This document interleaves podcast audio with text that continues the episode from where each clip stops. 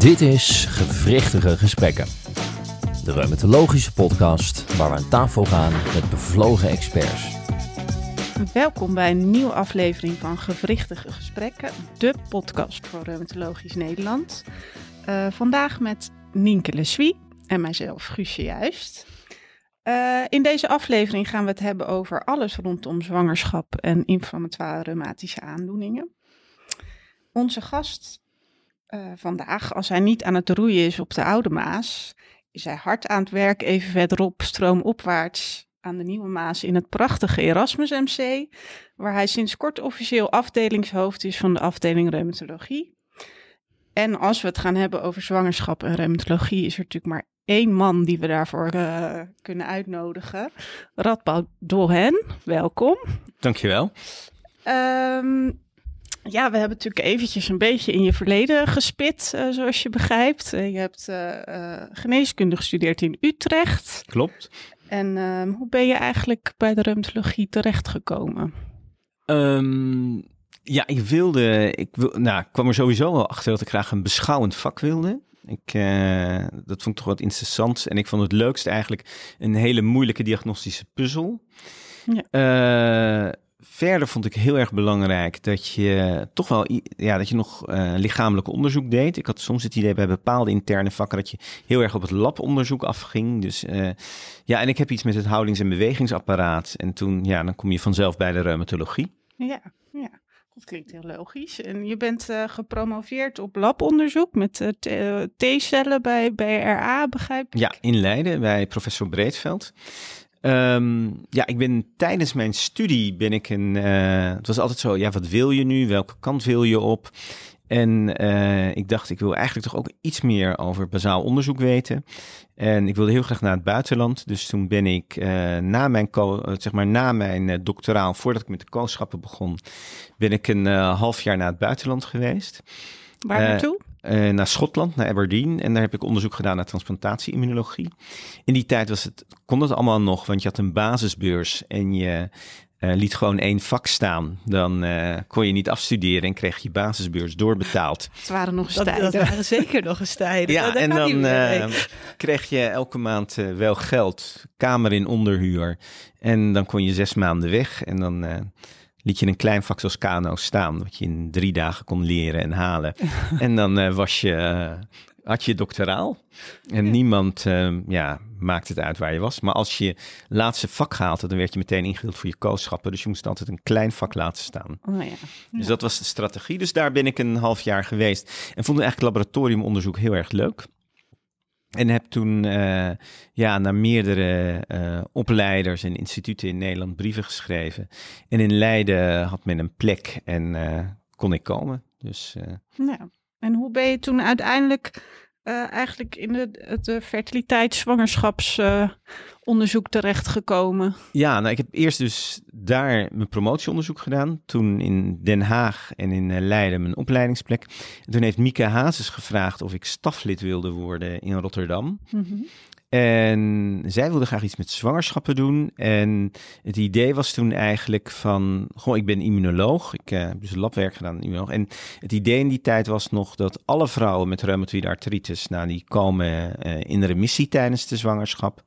En dan was mijn taak om heel veel vrouwen te verzamelen, want we moesten ook een paar vrouwen hebben die niet in remissie kwamen. Nee. En dan zouden we uh, die vrouwen heel goed klinisch vastleggen, waar met name heel veel laboratoriummateriaal, zeg maar, patiënten patiëntenmateriaal verzamelen, zoals uh, serum, urine en uh, uh, PBMC's. Dat zijn zeg maar witte bloedcellen uit het perifere bloed. Mm -hmm. En dan zouden we gaan ja, uitzoeken op immunologisch gebied waarom al die vrouwen in remissie kwamen. En dan zou je meer inzicht krijgen in de pathogenese van RA. En ook meer in, ja, mogelijk misschien ook een soort uh, geneesmiddel kunnen vinden. Dus dat was het aanvankelijke idee. Ja, dat is niet helemaal uitgekomen volgens mij. Uh, nee, wat wij zagen dat... Uh, er was een afname van ziekteactiviteit. Uh, ongeveer als je kijkt naar de DAS, nam de gemiddelde DAS ongeveer met iets van 0,6 af tijdens de zwangerschap. Misschien nog wel minder. Ja. Eigenlijk in de ACPA en reumafactor positieve patiënten nam het helemaal niet af. En uh, meer dan 50% van de vrouwen had tijdens het derde trimester nog actieve ziekte. En eh, heel veel vrouwen werden niet zwanger. Dus eh, ja, eh, we hebben heel hard moeten verzamelen. Ja. En eh, ja, dat was eigenlijk de resultaten dan na tien jaar werk. We hebben de, eh, zo'n- zo'n cohort, de PARA-studie, heeft tot van 2002 tot 2010 gelopen. En heel veel patiëntenmateriaal en eh, heel veel patiënten. Ja, en de gevolgen waren eigenlijk van dat de conclusie was van nou, vrouwen met RA komen echt niet in remissie. Nee. En eh, het duurt heel lang eer dat ze zwanger worden. En die vrouwen moeten beter behandeld worden. Ja. En we zagen ook dat juist vrouwen met hoge ziekteactiviteit, dat die eh, ook niet zwanger werden. En daarnaast was het ook nog gerelateerd aan prednison en NSAID's. Dus het was een soort ehm, ja, eye-opener. Ja. En ik weet in het begin dat op internationale congressen dat we het brachten, dat bepaalde mensen al mijn data gewoon niet geloofden. Van ja, dit kan niet. Dit, eh, alle vrouwen komen in remissie. Maar de oude studies waren met name door self-report. Mhm. En ook eh, dat ehm, eh, retrospectief dat vrouwen twee jaar na een zwangerschap gevraagd werd: hoe was de ziekteactiviteit? Ja. En als je een eh, eh, vragenlijst meeneemt met self-report, dan zie je dat vrouwen op het moment dat ze zwanger zijn, eigenlijk zich al veel beter voelen. En ja, wij hebben het idee dat het toch komt dat ja, als je zeg maar, vooral in die tijd was reuma, denk ik nog, reumatoïde artritis nog dramatischer dan nu. Dus als je dan altijd een ziekte hebt en je lichaam nooit doet wat jij wil, Ja. en je wordt dan zwanger, op dat moment ja, zit je helemaal op een roze wolk. Ja. Dus eh, alleen als je het objectief gaat meten aan de hand van een DAS, blijft de ziekteactiviteit hoog. ja, het is een heilig huisje wat jullie toen hebben omvergeschopt. Ja, eh, en ook veel meer inzicht waarom sommige vrouwen niet zwanger werden. Ja, ja. Ja, want als we nou kijken, ehm, hè, want hier in het Erasmus MC hebben jullie ook echt een speciaal zwangerschapsspreekuur. En ook zelfs een preconceptioneel eh spreekuur. Kan je daar iets over vertellen hoe jullie dat doen hier? Ja, nou ik denk eerst even preconceptiezorg. Dat is toch wel een nieuw concept. Ja. Eh, vroeger dacht men, nou ja, ach, iedereen eh, wordt wel zwanger. En eh, eh, als je zwanger bent, hoef je pas naar de gynaecoloog en pas naar een specialist toe. En we weten dat eh, ook in de algemene bevolking heeft, nou ik denk heel veel vrouwen, misschien wel tussen de 30 en 50 procent, hebben allemaal risicofactoren op een slechte zwangerschapsuitkomst, die als je ze tijdig detecteert, en bijvoorbeeld vrouwen er bewust op ma- Hmm. van maakt, kun je ehm, dat voorkomen en kun je interveneren en wordt de zwangerschapsuitkomst veel beter. Bijvoorbeeld hoge bloeddruk, roken, eh, te hoog gewicht. Ja. Nou, wat wij en bij mensen die een chronische ziekte hebben, is heel erg van belang dat ze bepaalde medicatie hebben waarmee je beter niet zwanger kan worden, of die juist een negatieve impact hebben op de vruchtbaarheid. Ja. En eh, of de ziekteactiviteit is heel hoog. Dus eh, wat wij doen in dat eh preconceptiespreekuur is dat we eh, heel breed kijken. We kijken zowel naar de vrouw, maar ook naar de mannelijke partner. Mhm. Want daar zijn ook een aantal risicofactoren voor moeilijker zwanger worden. Ja. En wat wij dan kijken is, zijn er algemene risicofactoren? Overgewicht, hoge bloeddruk, roken, drugsgebruik. En we kijken heel duidelijk naar ziekte-specifiek. Hoe hoog is de ziekteactiviteit? Ehm, nou, heeft, eh, eh, is het een hele ernstige destructieve RA? Is er dan een cervicale slip bijvoorbeeld, wat je niet vaak ziet, maar toch nog wel? En dan, en bijvoorbeeld ook bij JEA's kan de mond gewoon wijd genoeg open. Waarom wil je dat weten? Stel dat er een spoedintubatie nodig is bij een keizersnede. Ja, dan is het beter om voor de zwangerschap al een goede nekfoto gemaakt te hebben. En eh, als er een cervicale slip is, of dat de mond helemaal heel, maar een heel klein stukje open kan, Mhm. is het belangrijk om die vrouw in het begin van de zwangerschap naar de anesthesist te sturen. Dat de anesthesist ernaar kan kijken en dat die dan een goede aantekening en een plan kan maken, bijvoorbeeld voor een spoedintubatie. Nou, er zijn er 101 dingen waar we op letten. Ja. En we letten het ook op eh, de artritis. We zien trouwens niet alleen vrouwen met artritis, maar ook heel veel vrouwen met systeemziekten. En dan maak je een plan en dat eh, eh, de ziekte rustig is als vrouwen zwanger willen worden. En ook met medicatie die compatibel is met zwangerschap. ja, en wat is dan het stukje wat de gynaecoloog doet en wat, wat, wat doet de reumatoloog dan? Ja, nou, da- daar is zeker overlap bij. Want jullie doen het spreekuur samen. Want eh, waar ik zit, daar hebben we niet, niet zo'n spreekuur, of de gynaecologen wel. Maar jullie doen het spreekuur hier samen met de gynaecoloog en de reumatoloog. Ja, wat het is, wij eh, hebben wat wij doen. Nou ja, we krijgen vrouwen uit heel Nederland. En sowieso is het van belang dat vrouwen, ehm, eh, zeg maar, de reuma. Eh, Als ik vrouwen die zeg maar uit eh, Drenthe komen, gisteren had ik weer een vrouw uit Drenthe, dan doe ik wel samen met de reumatoloog de behandeling van de reumatoïde artritis tijdens de zwangerschap met hun eigen reumatoloog, shared care. Maar de gynaecologische zorg moet gewoon op locatie. Dus eh, wat eh, wij, zeg maar als vrouwen hier uit de regio komen, dan worden ze ook gezien door de gynaecoloog hier. Ja. En vaak bevallen ze dan ook in het Erasmus MC. En worden de vrouwen besproken samen met de gynaecoloog en eventueel aanverwante specialismen op een gemeenschappelijk MDO. Als vrouwen van ver komen, dan eh, kunnen ze hier voor eenmalige consult ook bij de gynaecoloog. Wat we ook vaak doen, is dat we dan eh, de huisarts adviseren om de vrouw in de regio voor een preconceptioneel consult te sturen. Het jammere is dat eh, niet overal is binnen de gynaecologie is het concept preconceptioneel advies eh, nog heel goed uitgerold. Wel in de academische ziekenhuizen, maar niet in elke perifere kliniek. Nee. Dus, eh, en als je gaat zeggen, ja, waar, waar ligt de grens tussen eh, ehm, wat doet de reumatoloog, wat doet de gynaecoloog?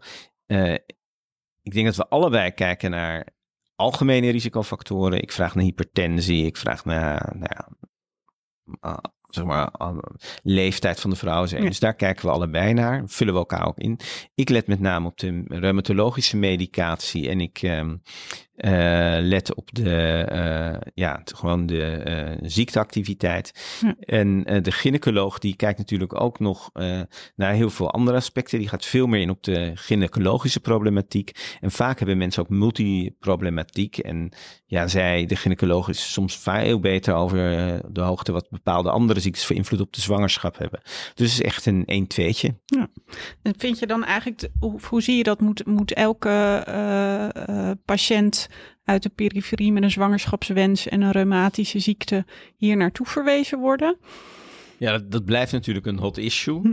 Eh, ik denk dat het heel erg afhankelijk is van wat de patiënt zelf wil en eh, hoe ehm, zeker de eigen reumatoloog zich met deze problematiek eh, voelt. Ja. Hoe, ja, het afhankelijk van de expertise van de eigen reumatoloog. Ja. Ik heb wel het idee dat wij ja, heel veel goeds doen. Dat we misschien, we zien zoveel patiënten met een kinderwens en soms haal je er toch heel veel dingen uit die, een, eh, die de eigen reumatoloog ja, misschien niet oppikt. Nee.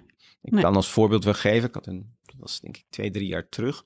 Een ehm, patiënt die had eerst, eh eerste keer was ze spontaan zwanger geworden. Daarna kreeg ze reumatoïde artritis. De eigen reumatoloog had eh, heel veel medicatie afgebouwd. En die gaf haar gewoon één keer per maand, één keer per zes weken een eh, injectie met Kena kort IM. En daarbij was de RA redelijk onder controle. Alleen, ja, zij werd maar niet zwanger. Uiteindelijk ook IVF-traject gehad. Dat eh, eh, was niet succesvol. En toen wilde ze toch nog een keer voor de laatste IVF-poging naar Rotterdam. Ja. En we weten dat ehm eh, corticosteroïden intramusculair, zo'n bolus, kan je HPA als helemaal stilleggen. Dus niet helemaal, maar in ieder geval wel. Met name, ja, het heeft toch zeker invloed op je hormonen.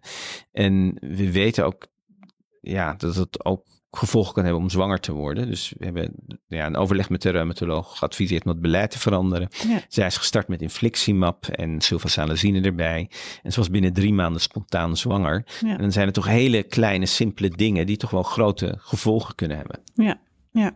En, en ik vroeg me dan nog af, de, ehm, eh, zeg je ook eigenlijk dat alle vrouwen met een kinderwens in ieder geval naar de gynaecoloog dan moeten voor zo'n preconceptioneel consult, mits de gynaecoloog in je centrum daar dus een beetje Ja. voeling mee heeft. Want Nou ja, dat is alle- dus ook niet overal. Alle vrouwen met een kinderwens, wat er de- nou wel is. met nou, dat is natuurlijk binnen gynaecologisch Nederland is dat een groot probleem. Of probleem, een grote discussie. Ehm, wat je ziet dat in de algemene bevolking hebben heel veel vrouwen hebben allemaal vermijdbare risicofactoren die een negatieve input kunnen hebben op de zwangerschapsuitkomst. Nou, als je alle vrouwen uit heel Nederland voor een preconceptioneel advies gaat, gaat het niet lukken. Nee. Maar de vraag is, moet je niet dan eh, bij eh, gezonde vrouwen moet je niet op een of andere manier het regelen dat je een preconceptioneel advies kunt krijgen bij een verloskundige of bij de huisarts. En dat daar ook bijvoorbeeld eh, daarvoor modules voor komen en richtlijnen. Dus het idee is dat je met goede preconceptiezorg heel veel problemen kunt voorkomen Ja. voor elke vrouw met een kinderwens. Ja. En ehm, bij vrouwen met een chronische ziekte eh, zeker. Want wat vertel jij aan je patiënten die, die op jouw poli komen over hè, in, in, de, in de fertiele levensfase, eh, eh, over reuma en, en zwangerschap? Het ligt afhankelijk van de ziekte. Ja. Eh, wat ik vertel is, ehm, eh, nou ja, dat eh, het heel belangrijk is voor de zwangerschapsuitkomst en om snel zwanger te worden, dat de ziekte rustig is. En het is natuurlijk niet alleen ehm, eh, belangrijk voor zwanger worden en om ehm, eh, en voor de uitkomst van de zwangerschap, maar voor de vrouw zelf ook. Ja. Eh, dus ik weet nog wel in de para-studie, dus de eerste studie die wij deden, werkte maar een beperkt aantal vrouwen. En, en je, ja, je zag dan ook dat ze hadden een hoge ziekteactiviteit, daardoor konden ze ook niet werken. En ja, per zwangerschap leverden sommige vrouwen gewoon een gewricht in. En nu, gelukkig, is die reuma veel beter. Kan reumatoïde artritis of maar ook andere vormen veel beter behandeld worden. Dus voor zo'n vrouw is het ook gewoon ook belangrijk voor hun sociale leven, carrière, zorgtaken, dat de ziekte rustig is. Ja. Daarnaast weten we ook nog dat het beter is voor zwangerschapsuitkomst. En worden ze eerder zwanger en krijgen ze geen gewrichtschade. Ja. Nou, Ja. Dus dat is het allerbelangrijkste. Ja. Dus het is niet alleen, er wordt wel eens gedacht, je moet je ziekte rustig hebben alleen maar voor eh, snel zwanger worden en zwangerschapsuitkomst. Ja. Maar het is ook voor de vrouw, dat is misschien nog wel het allerbelangrijkste, voor de vrouw zelf. Ja. Want met hoge ziekteactiviteit kan het twee jaar duren eer dat je zwanger bent. Nou, gaan jullie, jullie zijn allebei, eh, naar ik begrijp, eh, jonge moeders of aanstaande moeders. Stel je voor dat je RA hebt en een kinderwens en je hebt twee jaar hoge ziekteactiviteit. Ja. Hoe ga je dat doen met de zorg voor je andere kinderen, met je werk, met je partner? Ja. Dus voor de allerbelangrijkste is nog voor het leven van de vrouw. En, ehm, hè, want eh, ehm, er is, eh, als we kijken naar eh, medicatie in een kinderwens, er is eigenlijk best wel weinig bekend over de invloed van medicatie op de fertiliteit, begrijp ik. En wat, welke, welke medicijnen mogen wat jou betreft echt niet vanwege een verminderde fertiliteit? Nou, daar weten we weinig van, van af, omdat er ook heel weinig onderzoek naar wordt gedaan. Want in alle grote studies worden vrouwen meestal pas geïncludeerd op het moment dat ze zwanger zijn. Dus het is ook heel moeilijk om iets te weten te komen over die preconceptiefase. Ja. We weten dat NSAID's, als je ze continu gebruikt, dat die de kans op zwangerschap met ongeveer 50% verminderen. Dat is best wel fors. Ja. Ja, is ook fors. Ja. Het blijkt uit meerdere studies, maar ik denk, ja, de eerste die dat echt heel netjes hebben uitgezocht, eh, zijn wij toch wel geweest. Dat was wel heel mooi. En daarnaast eh prednison als je dat in eh, hogere doseringen gebruikt. Hogere doseringen? Ja, wij vonden, maar zeg maar als je meer dan 7,5 milligram per dag gebruikt. Ja. Maar dat is ook, we zien de laatste jaren sowieso wel dat men steeds terughoudender wordt in het voorschrijven van prednison. Dus het is sowieso niet goed, maar als je zwanger wil worden, probeer het te vermijden. Maar het is ook wel afhankelijk van je ziekte. Want eh, bij RA hebben we duidelijk wel een eh, effect gevonden van de impact van prednison op zwanger worden. Maar we hebben dit bijvoorbeeld nooit bij SLE aangetoond. Ik weet zelf ook niet of het bij effect van prednison op de fertiliteit bij SLE zo'n grote rol speelt. Want we hebben sowieso weinig aanwijzingen dat vrouwen met SLE moeilijker zwanger worden. Hm. Die hebben wel een, eh, vaak minder kinderen. En de reden daarvoor is dat de zwangerschapsuitkomst slecht Slecht is. Dus dan worden ja. ze wel zwanger. Maar als ze antifosfolipide syndroom hebben, hebben ze veel meer kans op een miskraam. Ja. En eh, sommige, ja, en ook persoonlijke keuzes. En heel veel vrouwen, als ze een dramatische zwangerschap gehad hebben bij een SLE, kiezen niet voor een volgend kind. Ja. Dus je moet altijd heel goed kijken naar de gezinsgrootte. Ja. Of ze snel zwanger worden, meer de fertiliteit.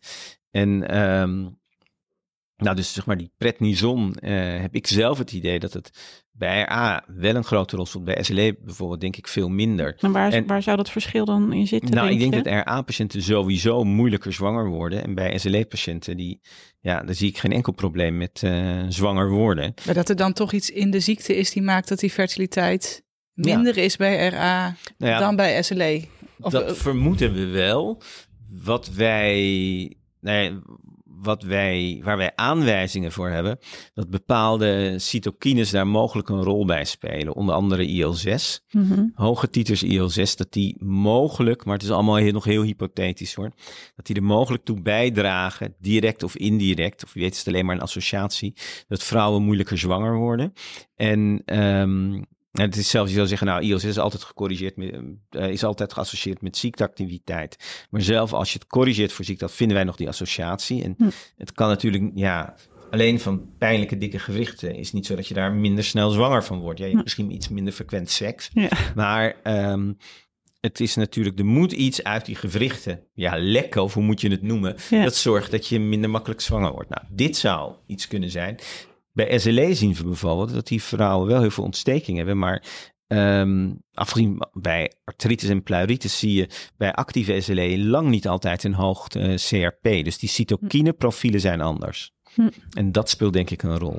En, die, en die, zeg maar, die, die impact van prednison op de fertiliteit zie je bij SLE dan Daar hebben we nooit goed onderzoek naar gedaan, maar ik ken heel, we weten dat heel veel SLE-patiënten toch prednison gebruiken. Ja. En uit heel veel studies blijkt dat de fertiliteit van SLE-patiënten niet verminderd is. Wel de, het aantal kinderen dat ze krijgen, maar niet de fertiliteit. En de reden dat ik dit zeg en ook wel benadruk, ook wel bij RA, is: kijk, het beste is om prednison niet meer dan 7,5 milligram per dag voor te schrijven. Ja. En het liefst gebruik je dan een prednison spaarder.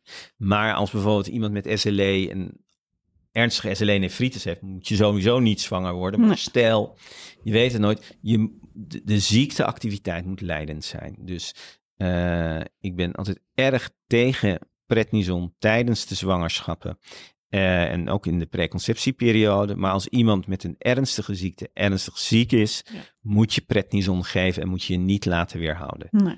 En dan vroeg ik me alleen nog even af over die prednison. Maakt het nou nog uit of je oraal geeft of zoals een IM-injectie of IA-injectie? Met het voorbeeld wat je Ehm, net gaf. Nou ja, dat weten we niet precies. Wat wel, wat heel erg belangrijk is, welke vorm je geeft. Met name als, eh, nou ja, als je zeg maar IM geeft, kan dat een hoge piek geven. Ja. En we weten dat het invloed heeft op je HPA's. Dus ik geef met name in de ook tijdens zwangerschappen en ook in de preconceptieperiode geef ik het liefst oraal in een lage dosis. Ehm, maar als je zegt, is daar heel goed vergelijkend onderzoek naar gedaan? Nee.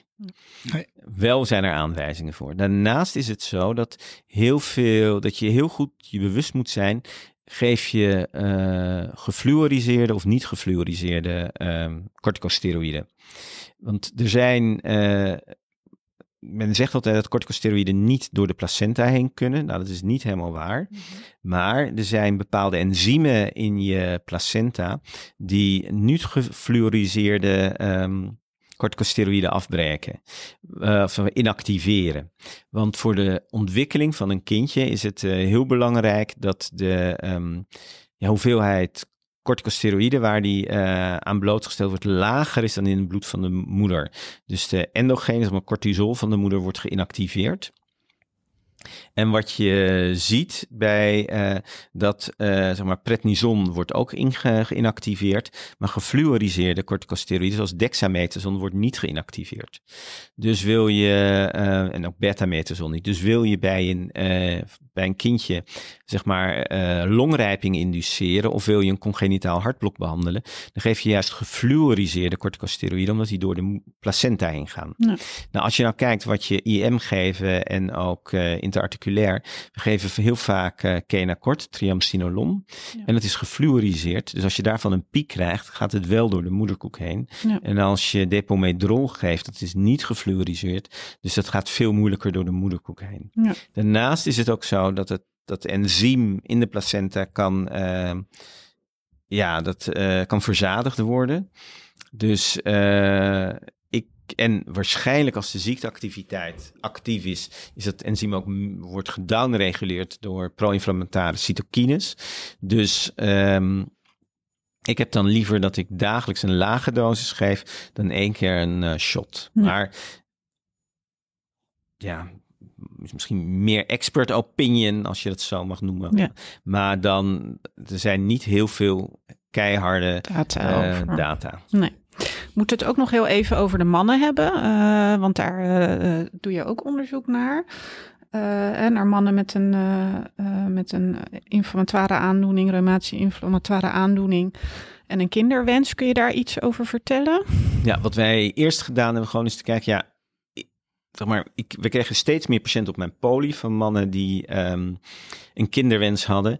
En daarbij zagen we dat het toch wel een groot probleem was, omdat er heel weinig bekend was over de impact van medicatie op, eh, eh, ja, op de vruchtbaarheid van mannen en ook op de gevolgen van hun nageslacht. Ja.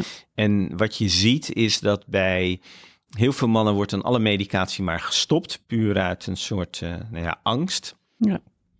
En dan zie je dat de ziekte opvlamt. En we weten dat bij actieve ziekte de spermakwaliteit achteruit gaat. En dat die mannen gewoon veel minder seks hebben. Dat het gewoon niet, niet lukt. Ja. Nou, we hebben verleden jaar een grote studie gedaan. Wel retrospectief, maar eerst eens om te kijken van nou, heeft het wel impact? Ja. En daarbij zien we dat mannen die op eh, jonge leeftijd eh, eh, een inflammatoire artritis hebben gekregen, dat hun gezinsgrootte veel minder groot is dan bij mannen die de diagnose kregen na een veertigste op het moment dat eh eh, ja, merendeel van de mannen zijn, eh, ja, zijn kinderwens voltooid is, om het zo maar te zeggen. Ja. En ehm, nou, dat kan heel veel verschillende redenen hebben. Het kan komen dat door de ziekte, het kan komen door de medicatie die gebruiken, maar ook bijvoorbeeld door ehm, ja, sociale aspecten. Wie weet vinden ze moeilijker een partner. Ja. Of wie weet zien ze wel meer eerder van kinderen af, omdat het toch wel... ehm, ja, je merkt dat een aantal mannen ook bang zijn dat ze de ziekte doorgeven aan hun nageslacht. Eh, zijn ook wel ehm, bang, ehm, ja, kunnen ze de zorgtaken wel aan. En wat ja, ik eigenlijk wel schrijnend vond, dat er toch, we hebben ook verder meer vragenlijsten ingevuld en ook psychologisch onderzoek naar gedaan. Dat je ziet dat heel veel mannen ook wel twijfelen of ze een goede partner zullen zijn en of ze wel een goede vader voor hun kinderen kunnen zijn. Ja. En eh, ook wel, ja, kan ik wel met mijn kind voetballen? Dat kwam heel vaak naar voren. Mm, Ja. Ja. Of een vader die niet kan voetballen geen goede vader is. Mm. Maar ja, dat speelde allemaal een rol. Dus we vinden dus dat die, ehm, eh, dat eh, het krijgen van een eh, ja, artritis, welke vorm dan ook, op jonge leeftijd, dat het echt een hele grote impact heeft op de gezinsgrootte. Ja. Wat de causale relatie is, dat weten we niet precies. Nee. Waarschijnlijk is het multifactorieel. Ja. Is, dat- is het dan iets waar we dan bij mannen als reumatoloog eigenlijk ook meer aandacht moeten besteden? Want ik denk dat minder op het netvlies staat dan Ik denk het wel. kinderwens en vrouwen. Ik denk dat het heel belangrijk is om daar aandacht aan te besteden. Patiënten geven ook heel duidelijk aan dat ze die informatie graag van een reumatoloog willen horen. Dus ja, daar moet aandacht voor komen. En wat geef je voor advies aan mannen met een Eh, kinderwens? Met een kinderwens. Nou, ik denk dat het belangrijk voor hun is dat de ziekte rustig is. Mhm. Moet je, eh, belangrijk is om te kijken welke medicatie je voor kunt schrijven. Eh, we weten tegenwoordig dat TNF-blokkers veilig zijn bij een man met een kinderwens. Ehm komen steeds meer aanwijzingen dat je metotrexaat gewoon door kan geven. Nou, ik denk als je metotrexaat en TNF-blokkers kunt geven, dat we al heel veel van onze patiënten goed kunnen behandelen.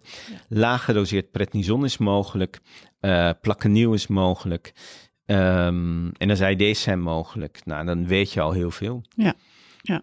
En ja, wat belangrijk is, ik denk dat mannen zich goed informeren over eh, kinderwens. Dat ze, ehm, dat ze ja, het ook eh, duidelijk met een partner bespreken. En, eh, en dat geldt zowel voor mannen als met vrouwen met een reumatische ziekte. Bereid je goed voor en stel je kinderwens niet te lang uit. Ja.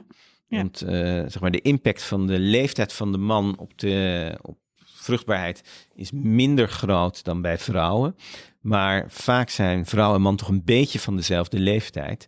En ja, we weten dat het voor de vruchtbaarheid en het krijgen van een gezin belangrijk is dat met name vrouwen voor een dertigste aan kinderen beginnen. Als het Maar dat geldt voor iedereen natuurlijk niet, alleen voor de reumatologische patiënt. maar Ja, maar als er toch al een aantal ehm, ja, aanwijzingen zijn, dat- en reu- het hebben van een reumatische aandoening is zoiets, dat je vruchtbaarheid mogelijk iets minder is, moet je het niet langer uitstellen. Quick for. Ik denk dat het eh, tijd is voor de Quick Four. Eh, de vier vragen die wij elke gast eh, voorleggen. Eh, wat is je grote passie? Ehm, ja, gedeeltelijk mijn werk natuurlijk. Ik vind mijn werk heel erg leuk. Ehm, daarnaast ja, zou ik niet kunnen leven en niet hard kunnen werken zonder familie en vrienden. Dat is ook een, een hele belangrijke. Dan gaan we naar de volgende. Wat zou je doen als je geen reumatoloog was geworden? Ja, dan had ik denk ik een ander internistisch specialisme gekozen. Hematologie vind ik heel interessant, alleen is de behandeling daar heel erg geprotocoleerd. En ik vind het wel leuk om, ja, ik zeg altijd, behandeling is soms een beetje koken, snufje van dit, snufje van dat. en ja, anders, ik denk, toen ik 18 was, dacht ik, nou, je gaat nooit rechten studeren. Maar ik denk nu dat ik een juridische opleiding ook heel leuk had gevonden. Oké, oké. dus dat was het alternatief eh, eh, voor de dokter zijn. En als je jezelf op de eerste dag van de opleiding een advies kon geven, even terug in de tijd, wat zou je dan zeggen? Ja, eerste dag van de opleiding, dat voor die eerste dagen door te komen voor mijn hele Gewoon opleiding. überhaupt iets wat je mee wil geven aan de, aan de jongen. Nou, ik denk dat voor de jongen dat het heel belangrijk is dat je je eigen opleiding maakt. Dus eh, je kunt er zelf heel veel vorm aan geven. Doe dat actief. En voor nu zou ik zeggen, wees niet te bang dat je geen baan krijgt. Want dat, eh, iedereen heeft daar stress over. Het komt vast goed. En, ehm, maar wees er heel bewust van dat je zelf vorm kunt geven aan je opleiding. Nou, dat nemen wij dan in Ja. ieder geval mee, Guusje. Eh, en de laatste van de Quick Four. Wat is de belangrijkste verandering binnen de reumatologie in jouw carrière tot nu toe? Eh, ik denk dat er drie zijn, maar dat doe ik. Ik denk heel belangrijk is vroege herkenning, intensief behandeling, eh, behandelen en dat we nieuwe krachtige medicijnen hebben. Ja, oké. Nou, dan gaan we eh, weer even terug naar, eh, naar de zwangerschap ehm, en medicatie in dit geval. Want we hebben het nu gehad over fertiliteit en over pre- preconceptionele eh, zorg. Maar nou, dan uiteindelijk zijn ze hopelijk een keertje zwanger. Ehm, en je, noemde net al NSAID's, dat dat dus qua fertiliteit toch wel echt, ehm, nou ja, nadelige effecten heeft. Maar hoe zit het nou in de zwangerschap? Wat mogen we wel, wat mogen we niet? Want daar is eigenlijk altijd een beetje discussie over. Ja, ehm, ja, voor vrouwen is denk ik dat eh sulfasalazine is gewoon heel veilig. Eh hydroxychloroquine is veilig. TNF-blokkers zijn veilig, alleen sommige gaan na week 20 over de placenta naar het kindje. En eh, kunnen ook relatief hoge spiegels kijken. Dus je moet dus met name TNF-blokkers geven die dat niet doen. Maar ik zet niet vrouwen voor de zwangerschap al over op een bepaalde TNF-blokker. Het is gewoon zoals vrouwen op welke TNF-blokker dan ook ehm, eh, weet dat, rustige ziekteactiviteit hebben, dan zet ik ze niet over. Want je wil gewoon dat ze eerst zwanger worden. En dan wissel ik tijdens de zwangerschap. Want ik denk dat veel reumatologen, tenminste dat is ook hoe ik het eh, tijdens mijn opleiding tot nu toe ook wel geleerd krijg, om ze al voor de zwangerschap over te zetten. Maar Ja. daarvan zeg je niet doen als het rustig is, zo doorgaan. En Nou als ja, we dan zwanger pro- zijn, Het probleem bij patiënten met RA is vaak niet zozeer de zwangerschap, en, eh, maar dat ze zwanger worden. En stel, nou ja, je hebt een vrouw die eh, weet dat infliximab heel goed over de moederkoek naar het kindje gaat, over de placenta. Dus bij voorkeur geef je de laatste gift pas bij 12 weken, eh, bij een zwangerschapsduur van 12 weken. Maar als een vrouw, eh, de vrouw die ik ook krijg, hebben vaak een hele medicatievoorgeschiedenis. En die zijn helemaal rustig onder sulfasalazine, eh hydroxychloroquine en infliximab. Dan ga ik dat niet veranderen, want heb je kans dat je een andere TNF-blokker geeft en dat ze een flare krijgen. En dan is eh, lijden in last, om het zo maar te zeggen. Nee, dus Ja. dat zou ik nooit doen. oké. En op het moment dat ze dan, eh, bijvoorbeeld de vrouw die jij nu noemt, op het moment dat ze dan zwanger zijn, dan ga, je, Switchen. dan ga je switchen. Ja, nou ja, wanneer, kijk, eh infliximab en adalimumab, daar, infliximab geef ik meestal de laatste gift zo rond week 15. En dan start ik rond week 20 met certolizumab. Ehm eh adalimumab stop ik rond week 20. Golimumab zijn weinig data over, dat, maar dat moet je ook stoppen, ook meestal rond week 16. En, en Brel kun je heel de zwangerschap ook doorgeven. Oké, want in de, ehm zoals van tevoren nog even te spieken in de richtlijn, daar noemen ze etanacep bij 30 weken Ja. stoppen. Maar ja, ja, het is natuurlijk al redelijk einde zwangerschap. Maar Nou, maar er zijn wel aanwijzingen dat je het iets langer door kunt geven. Oké. Je moet ook wel een beetje durven tijdens de Oké, en, en die termijn, dat heeft dus te maken met dat, want dat vroeg ik me inderdaad ook af, dat het dan over de placenta. Nou, wat je ziet is dat. eh, eigenlijk is de natuur heel mooi gemaakt. Zo'n kindje heeft natuurlijk nauwelijks ehm, eh, afweer. Dus die eh, krijgt eh, ja, dat een passieve immuniteit van zijn moeder. Dus vanaf week 20 wordt IgG wordt, actief over de placenta naar het kindje getransporteerd. En dat is een actief proces dat gemedieerd is via de fetale FC-receptor. En dat vanaf week 18 begint het al, maar het is eigenlijk in het begin niet zo heel erg efficiënt. En vanaf ja, na het einde van de zwangerschap verloopt het steeds beter. Dus eigenlijk ja, is, is zo'n zo'n baby is gewoon een kind, is een persoon met een afweerstoornis, die van zijn moeder een IVIG-infuus krijgt om de eerste maanden door te komen. Nou, nu eh, heeft onze lieve heer heel mooi bedacht, maar onze biologicals zijn ook IgG-moleculen. Oké, oké. Nou, eh, snap ik in ieder geval ook weer waar dat, eh waar dat Ja, en sommige, zeg maar, zoals Embrel, heeft wel een FC-staart, of etanercept dan heeft wel een FC-staart, maar die bindt heel slecht aan de fetale FC-receptor. Dus die kun je vrij lang doorgeven en heeft een hele korte halfwaardetijd. Oké, en zoals certolizumab, dat, dat werkt dus ook niet. Nou, met dat heeft geen FC-staart. Die is, eh, heeft een pechmolecuul daarvoor in de plaats. Oh ja, Dus gaat niet over Gaat de moederkoek heen. kijk. Hey, en, en met NSAID's, hoe zit het dan in de zwangerschap? Ja, daar zijn de, heel veel discussies Ja. over. Ehm, wij vonden dus dat je tijdens eh, de, eh weet dat, eh, tijdens, als men zwanger wil worden, dat men minder snel zwanger wordt.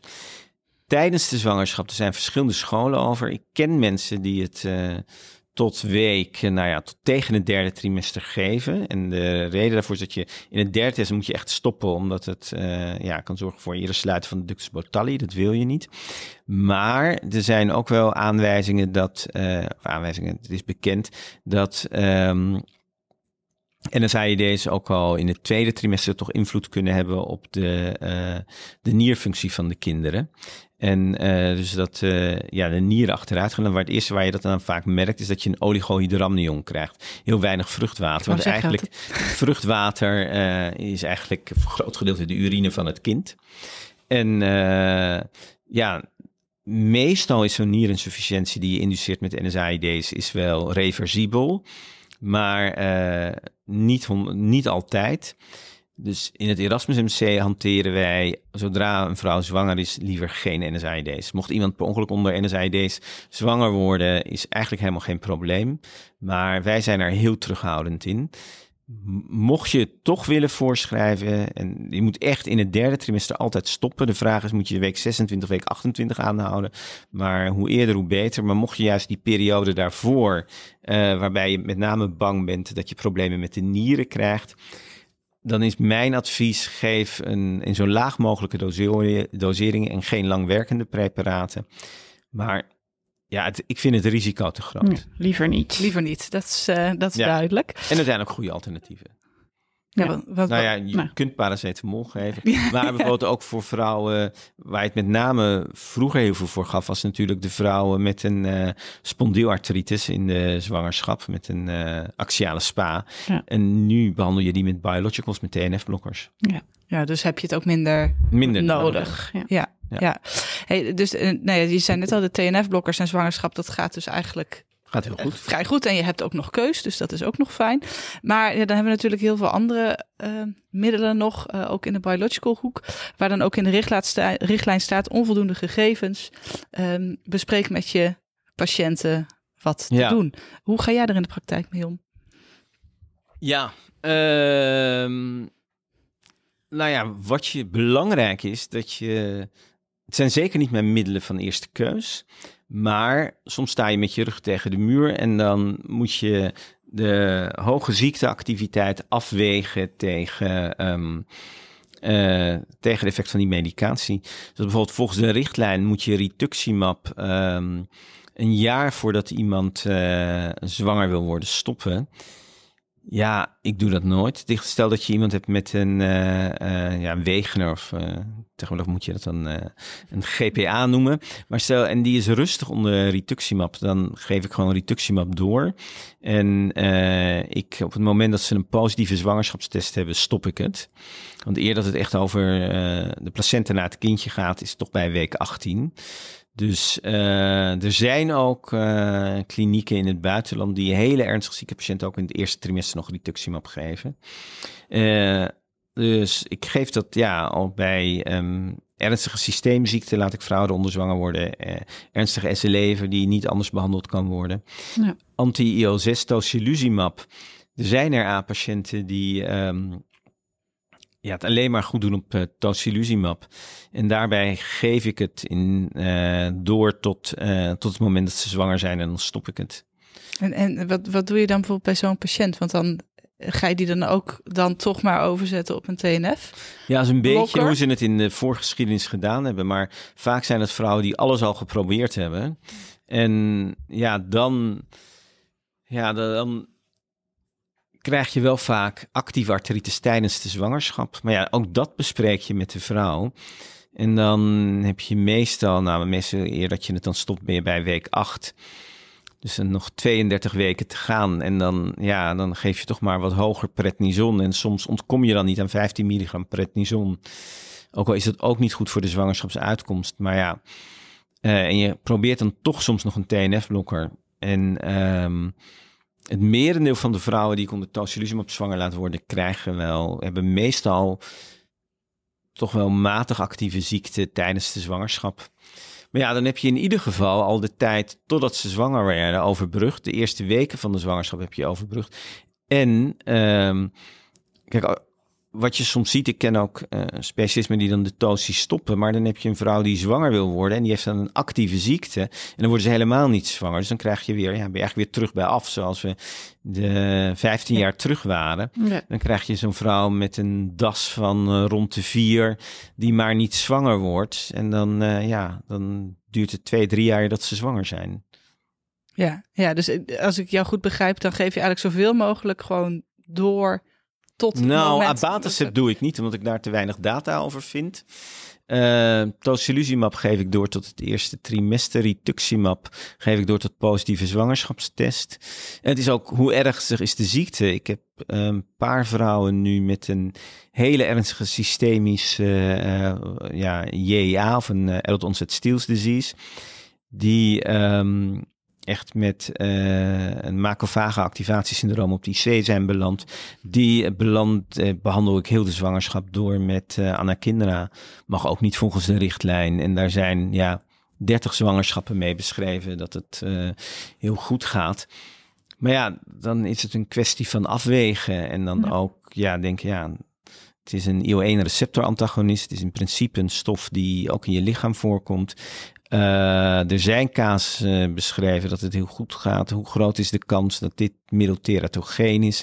En je weet dat als je een ernstige soep van je adult onset stieltjes gaat krijgen, zwangerschap, dat de zwangerschapsuitkomst dramatisch is. Nee. Dus ja, dan moet je gewoon knopen doorhakken. Of nee. dat doe je natuurlijk niet alleen, ga je het gesprek ja. aan met de patiënt. Maar ik kan me voorstellen voor uh, de reumatologen in het land dat dit nou de patiënten zijn die um, misschien hier goed in Rotterdam uh, ja, die uh, ook heel terecht zijn. Uh, ja. ja, want dit, dit gaat denk ik voor de gemiddelde reumatoloog misschien wel een beetje ver, kan ik me zo nou, voorstellen. Of zeg je nou, dit, dit mag, mag men gewoon doen? Nou ja, kijk, je mag alles doen. Alleen is de vraag wat je... Waar je je comfortabel bij voelt. Nou, je moet je ook realiseren dat... Um, als ik kijk naar mijn, ik zie ongeveer naar meer dan 100 nieuwe patiënten per jaar. Als je kijkt naar de uh, niet genetisch bepaalde aangeboren afwijkingen, komt het ongeveer um, 2 tot 4 procent bij elke zwangerschap komt dat voor. En als een kind een aangeboren afwijking heeft of als een, uh, zeg maar een zwangerschap bij 18 weken plotseling beëindigt, noem maar op. Het eerste waar men altijd denkt dat het komt door de medicatie. Dus um, dit soort, uh, kijk, zodra je buiten de richtlijn omgaat of dat je medicatie voorschrijft waar men heel weinig over bekend is, moet je dat dus wel heel goed bespreken. Ja, ik moet eerlijk zeggen, ik heb elk jaar heb ik meerdere van dit soort gesprekken. Waarbij de zwangerschapsuitkomst helaas ja, minder is dan je zou verwachten. En dan wil men wel weten, ehm, ja, kan het dan toch niet door de medicatie komen? En Ja. dat is wel, nou ja, de, ja, een kant van het runnen van eh preconceptiespreekuren en eh, zwangerschapspolies. Ja, en ja, je moet je afvragen als reumatoloog die dan iets minder ervaring heeft met dit soort middelen, of je dat wil. Ja, ja, of je er voldoende thuis, thuis in voelt om dat, eh, Ja, en ook- eh, zo'n gesprek ook aan te kunnen. Nou, aan te en- kunnen gaan. Ja, en ook heel die begeleiding. Het is, Ja. eh, Ja. laatst had ik ook een, ja, had ik een vrouw zwanger laten worden- onder tocilizumab. En uiteindelijk bleek het kindje bij de 13 weken echt wel ernstige afwijkingen te hebben. En ehm, uiteindelijk bleek het om een eh, eh, chromosomale afwijking te gaan. En men gaat vanuit dat chromosomale afwijkingen in principe niet komen door medicatie, omdat het bij de eerste celdeling al misgaat. En dat hebben we ook uitgebreid met die vrouw besproken. Ja. Maar dat zijn heftige gesprekken. Ja, En ja. die vrouw weet ook, ja, volgens de richtlijn. Eh, had die tocilizumab eigenlijk niet gemogen. Nee. Ja. Want dat bespreek jij dus ook al van tevoren. Nou, daarom is het ook wel heel prettig dat je die vrouw van tevoren ziet. En ze krijgen ook altijd een hele uitgebreide brief mee. En ja, alles wordt besproken. En je kunt nooit 100% een garantie geven. Maar op zich ehm, vind ik patiënten dat, dat die altijd wel heel reëel in zijn. En in die brief sta, staan ook dit soort dingen dus ehm, van u krijgt iets wat niet in de richtlijn staat. Nou, meer zo van, eh, er zijn zoveel vrouwen onder dit middel zwanger geworden. En dat, dat, maar ja, je kunt altijd een uitzondering zijn. Ja, ja, ja. Ehm, even denken hoor. En jakremmers? Wat Ja, niet geven. Nee. Nee. Oké.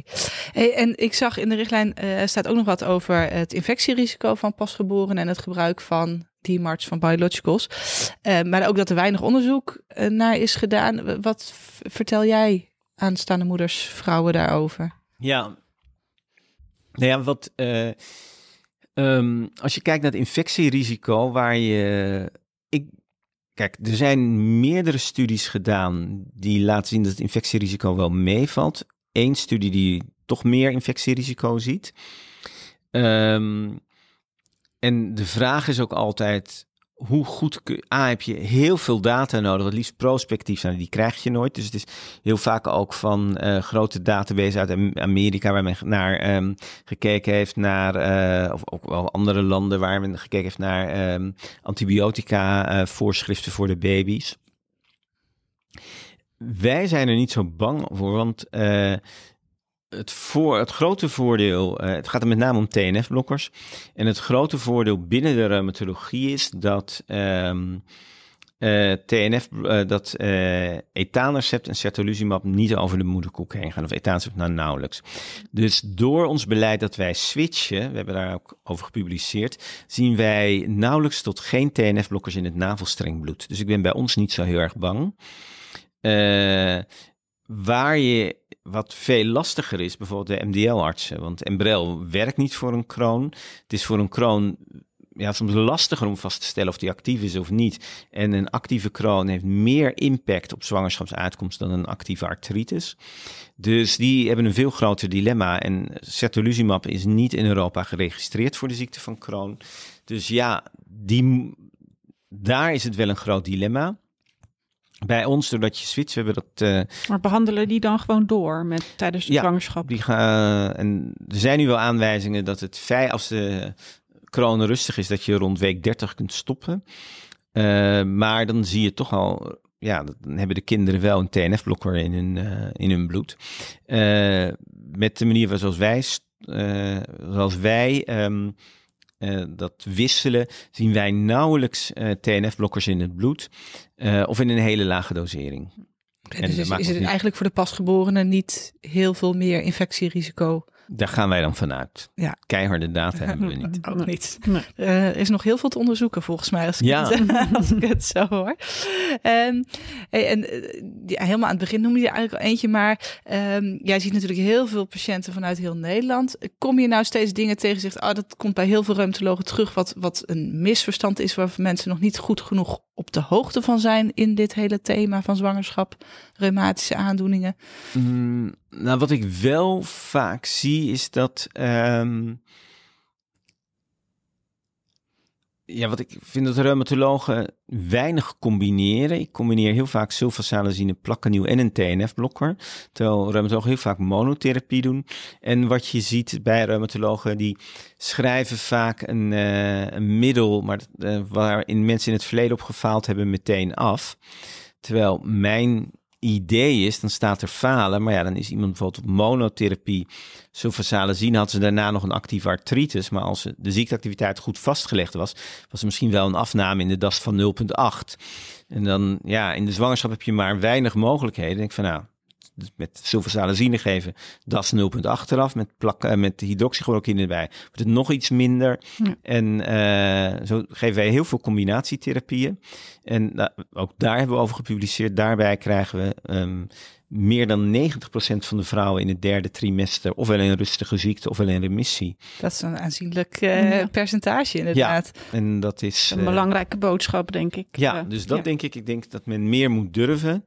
En ja, misschien gewoon een aantal vrouwen gewoon ook doorverwijzen. Want het is natuurlijk niet alleen. ehm, ehm, als je kijkt hoe wij die zwangerenzorg eh, eh, geregeld hebben, is het niet alleen medicatie. Het gaat er ook om informatie over borstvoeding. Eh, hoe kun je het beste voor je kind zorgen? Hoe kun je borstvoeding makkelijk geven als je last hebt van je schouder? Daar zit een heel zorgtraject omheen, dat met name de reuma-verpleegkundigen doen. En eh, ja, die hebben allemaal informatie over verschillende flessen. Als je, welke doppen gaan het makkelijkst open? Nou, ik weet, ik weet het ook allemaal niet. Dat eh, handelen zij af. Maar, Maar- er komt, ja, dus er zit nog veel meer eigenlijk aan dat spreekuur vast. Ja, als je kijkt jullie. hoe het bij ons is. Het is een eerste intake door de reumatoloog samen met de reumaverpleegkundige. Eh, dan proberen we een eh, plan te maken hoe de artritis of de systeemziekte te behandelen tijdens de zwangerschap. Waarbij ik me met name richt op meer de medische aspecten en de reumaverpleegkundige ook, eh nou, A, herhalen ze de medische aspecten, ook om, ja, dat herhaling blijft het beter bij. Ja. En daarnaast gaan ze ook heel erg in op de zorg. Ehm, nou ja, wat zijn handige tips als je eh, reuma hebt en je, ehm, nou, je, eh, je moet voor je kind zorgen. En eh, nou, je hebt een standaard huis, dan is meestal de kinderkamer. Of de, ka- de babykamer is boven. Dus als je kind moet verschonen, moet je steeds met je kind de trap op. Nou, zorg dan dat je kinderen spullen hebt om het kind verschonen, zowel beneden als boven. Ja. Allemaal van dat soort tips. Ja. En dat zit in het hele zorgtraject eh, verweven, waarin het eerste bezoek gaan er meer allerlei tips over hoe snel zwanger te worden. Ook van over gezonde voeding, want als je gezond eet, word je ook sneller zwanger. Daarna gaat het over hoe tijdens de zwangerschap. En als laatste gaat het over borstvoeding en hoe voor je kind te zorgen. Oké. En ook begeleiding, wat ook heel belangrijk is. We zien relatief veel vrouwen en echtparen die een fertiliteitstraject ingaan. En het heeft natuurlijk heel veel impact op je relatie, op alles. En ook eh, ja, hoe je daarmee omgaat. En uiteindelijk hebben we ook altijd een paar echtparen die hun kinderwens op moeten geven, waarbij het niet lukt. En ook hoe kun je dat verwerken. Duivelse dilemma's. Ik, ik hoor al dat we volgens mij nog stof hebben voor eh, nog drie meer Ja. afleveringen. Ja. Maar eh, we, we zijn wel een beetje aan het einde gekomen van, eh, van deze aflevering. En dat betekent dat we ehm, nou, onze vragen gaan afsluiten met de duivelse dilemma's. Dus ehm, de eerste voor jou, Radboud. Op je poli altijd alleen maar zwangeren met RA of met SLE?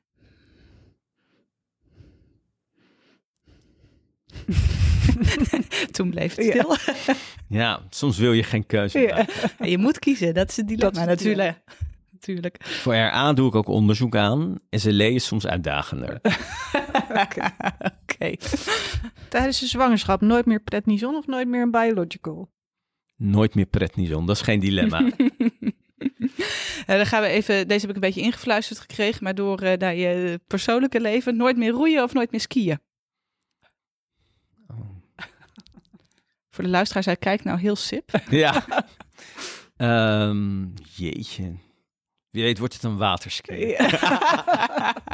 ik ben niet goed in keuzes maken, denk ik. nee, nee, dat blijkt. Reumatologen aansturen of patiënten aansturen?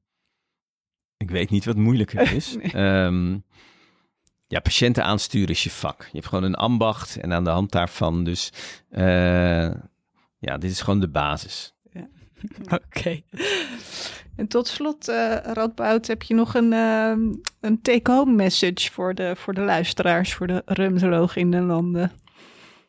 Ehm, dat ging vandaag heel erg over ehm, zwangerschappen en fertiliteit. Eh, dus daar zou ik take-home messages over gaan. Is denk ik, ehm, bespreek dit. In ieder niet elk consult te bespreken, maar bespreek een kinderwens wel. In ieder geval een paar keer met je patiënt. En eh, maak tijdig een plan. En eh, want niets is zo vervelend, vind ik althans, als je zwangere patiënten doorgestuurd krijgt die hoge ziekteactiviteit hebben. Ja. En waarbij gewoon geen preconceptie zwanger is. Dus take home message. Wees als arts en als patiënt tijdig voorbereid op de zwangerschap. Volgens mij was dat ook ooit zo'n zo'n zo'n uit, mooie slogan, Een, nee. goede meid is op de toekomst voorbereid. Zeker, in die geest. Ja, Oké, nou dankjewel Radboud. Ik denk dat het eh, een leuke aflevering was. ja dat hoop ik. En eh, b- bedankt voor het luisteren allemaal. En eh, tot, eh, tot de volgende aflevering. Bedankt voor het luisteren naar gewrichtige gesprekken. Graag tot een volgende aflevering.